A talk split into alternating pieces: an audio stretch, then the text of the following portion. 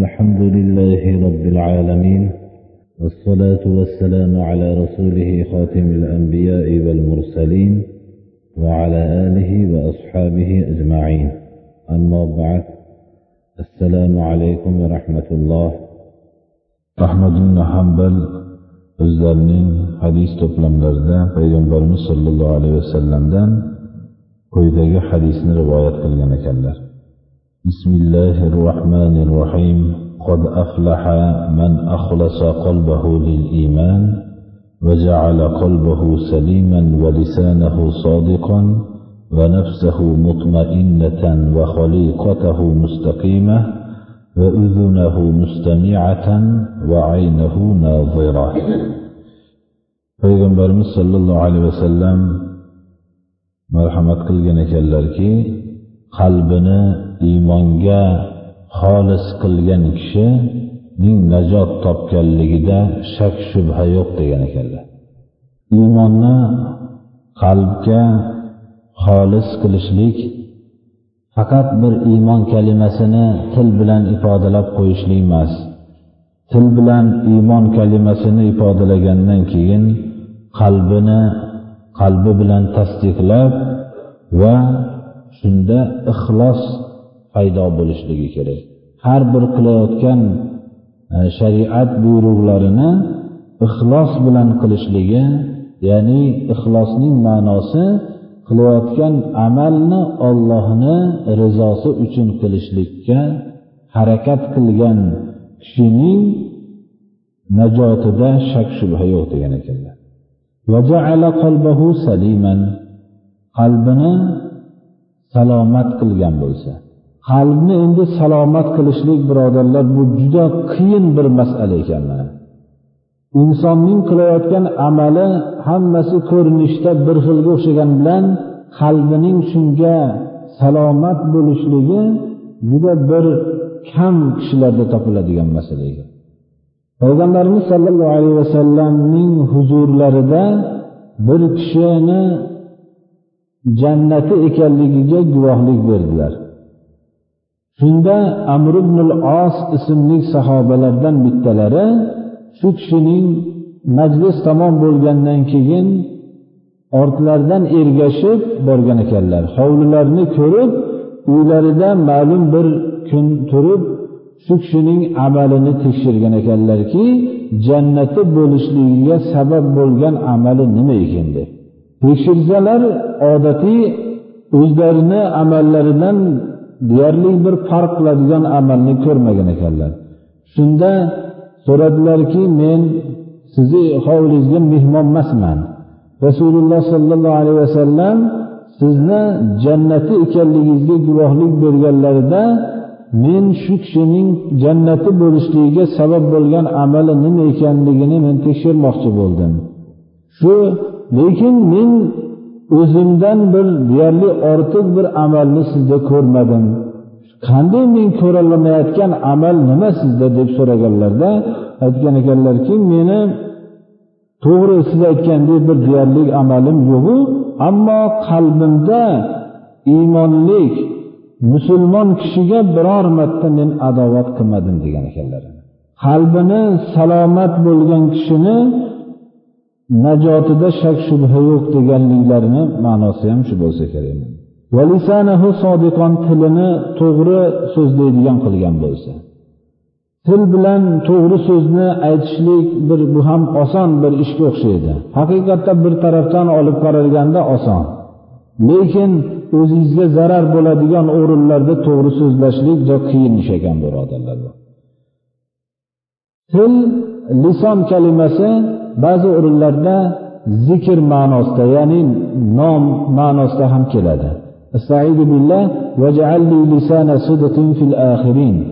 Meni dedilar ibrohim alayhissalom duo qilib kelajak avlodda yaxshi nom bilan tilga oladigan e, shuhratni o'zing ato qilgin degan ekanlar. Mana duolari ijobat bo'lib ibrohim alayhissalomni yomon ko'radigan biror bir millat yo'q birodarlar hamma millat ibrohim alayhissalomni hurmat bilan tilga oladi lison kalimasi shunga ham iste'mol qilinadi lisanahu sodiqon bu yerdan murod tilini to'g'ri so'zlaydigan bo'lishligi murod Estaizu billah Alloh subhanahu va taolo biz to'g'ri so'zni so'zlashlikka Alloh tarafidan ma'mur bo'lganmiz. Va qulu sadida. To'g'ri so'zni so'zlanglar mana. O'zini qalbini osoyishta qilgan odamning ham najotida shak shubha yo'q. qalbini osoyishta qilishligi shuki alloh subhanahu va taolo tarafidan kelgan qazo qadarga juda osoyishtalik bilan kutib olgan bo'lsa shu o'zi beqaror bo'lmagan bo'lsa boshiga ozgina musibat yetib qolishligi bilan beqaror bo'lib hatto ba'zi kishilar dini islomda mustahkamroq bir harakat qilayotgandan keyin biror bir musibat yetib qolsa ilgari dinimni mahkam qilmaganimda shunaqa musibat yetmadi deyishlarga ham o'tib ketadi mana birodarlar. Ana qalbi nihoyatda osoyishta bo'lishligi kerak. Va xoliqatahu mustaqimatan xulqini to'g'ri qilgan bo'lsa tabiatini.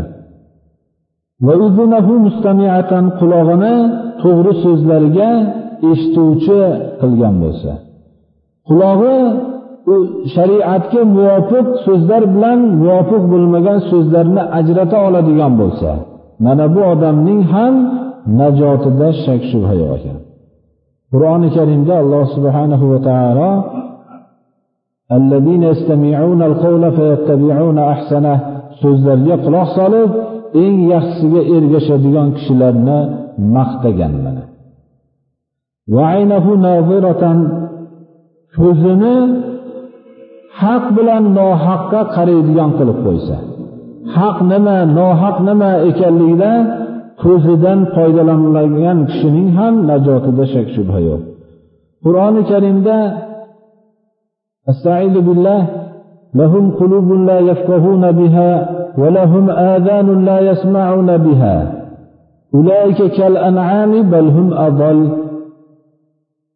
Qalblari bo'lib to'g'ri, noto'g'ri so'zni ajrata olmaydigan kishilar, quloqlari bo'lib quloqlaridan foydalanmasdan haq so'zlarni eshitib, nohaqlarini nohaq deb, haqini haq deb eshitadigan yo'lda qulog'idan foydalanmagan kishilarni Alloh subhanahu va taolo bularni qalbi boru tushunmaydigan qalbi bor. Quloqlari boru bu quloq solmaydigan quloqlari bor. Ular hayvonlarga o'xshagan balki hayvonlardan battarroq adashganroq deb yod qilganlar chunki hayvon to'g'ri so'z noto'g'ri so'zni ajratadigan qilib yaratilmagan uni. Unga shariat so'zini gapirsangiz ham bir hayvonga boshqa bir so'zni aytsangiz ham tovushdan boshqa narsani eshitmaydi. Bir ikki narsani bir biriga urushtirgandan chiqadigan ovoz bilan shariat so'zining u hayvonga nisbatan farqi yo'q. Ana shariat so'zi bilan boshqa so'zlarni farqini ajratolmagan odamlarni ham go'yoki alloh taolo bu yerda hayvonlarga o'xshagan balki ulardan ko'ra adashganroq deyapti. Ular hayvonlar ma'zur o'zining yaratilishlik tarafidan.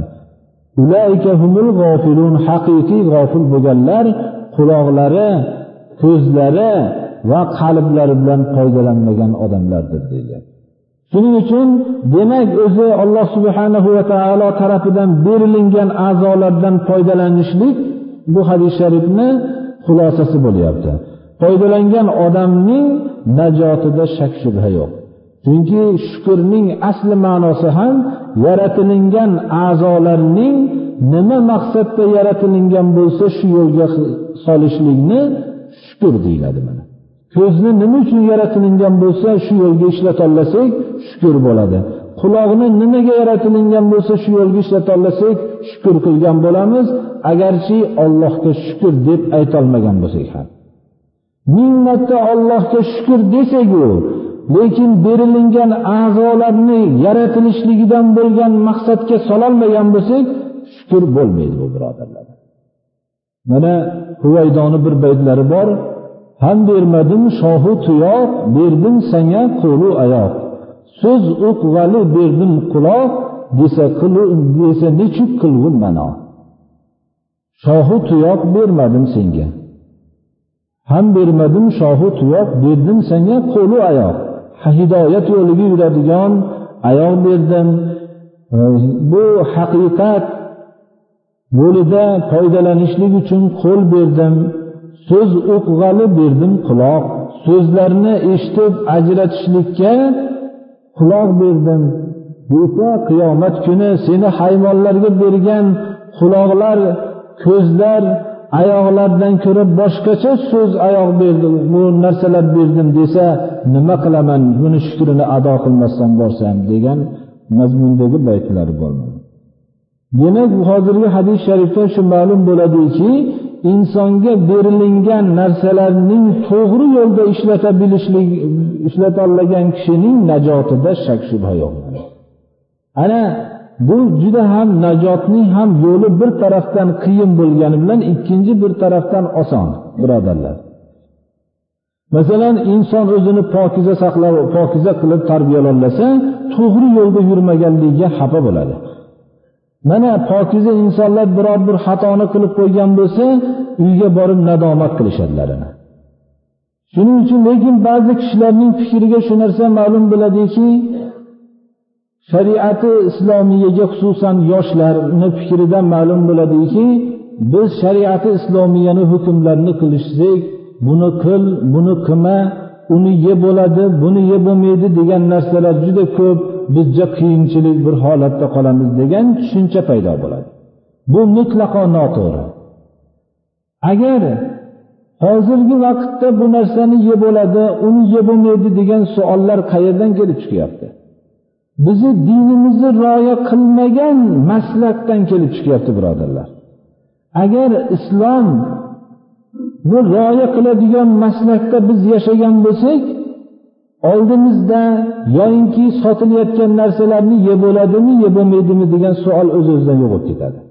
Chunki ular pokiza holatda chiqarilgan bo'ladi. Ana ba'zi narsalarni qilolmayotganligimizni sharoitlarni qiyinligi islomni tanimagan muhitda biz yashayapmiz.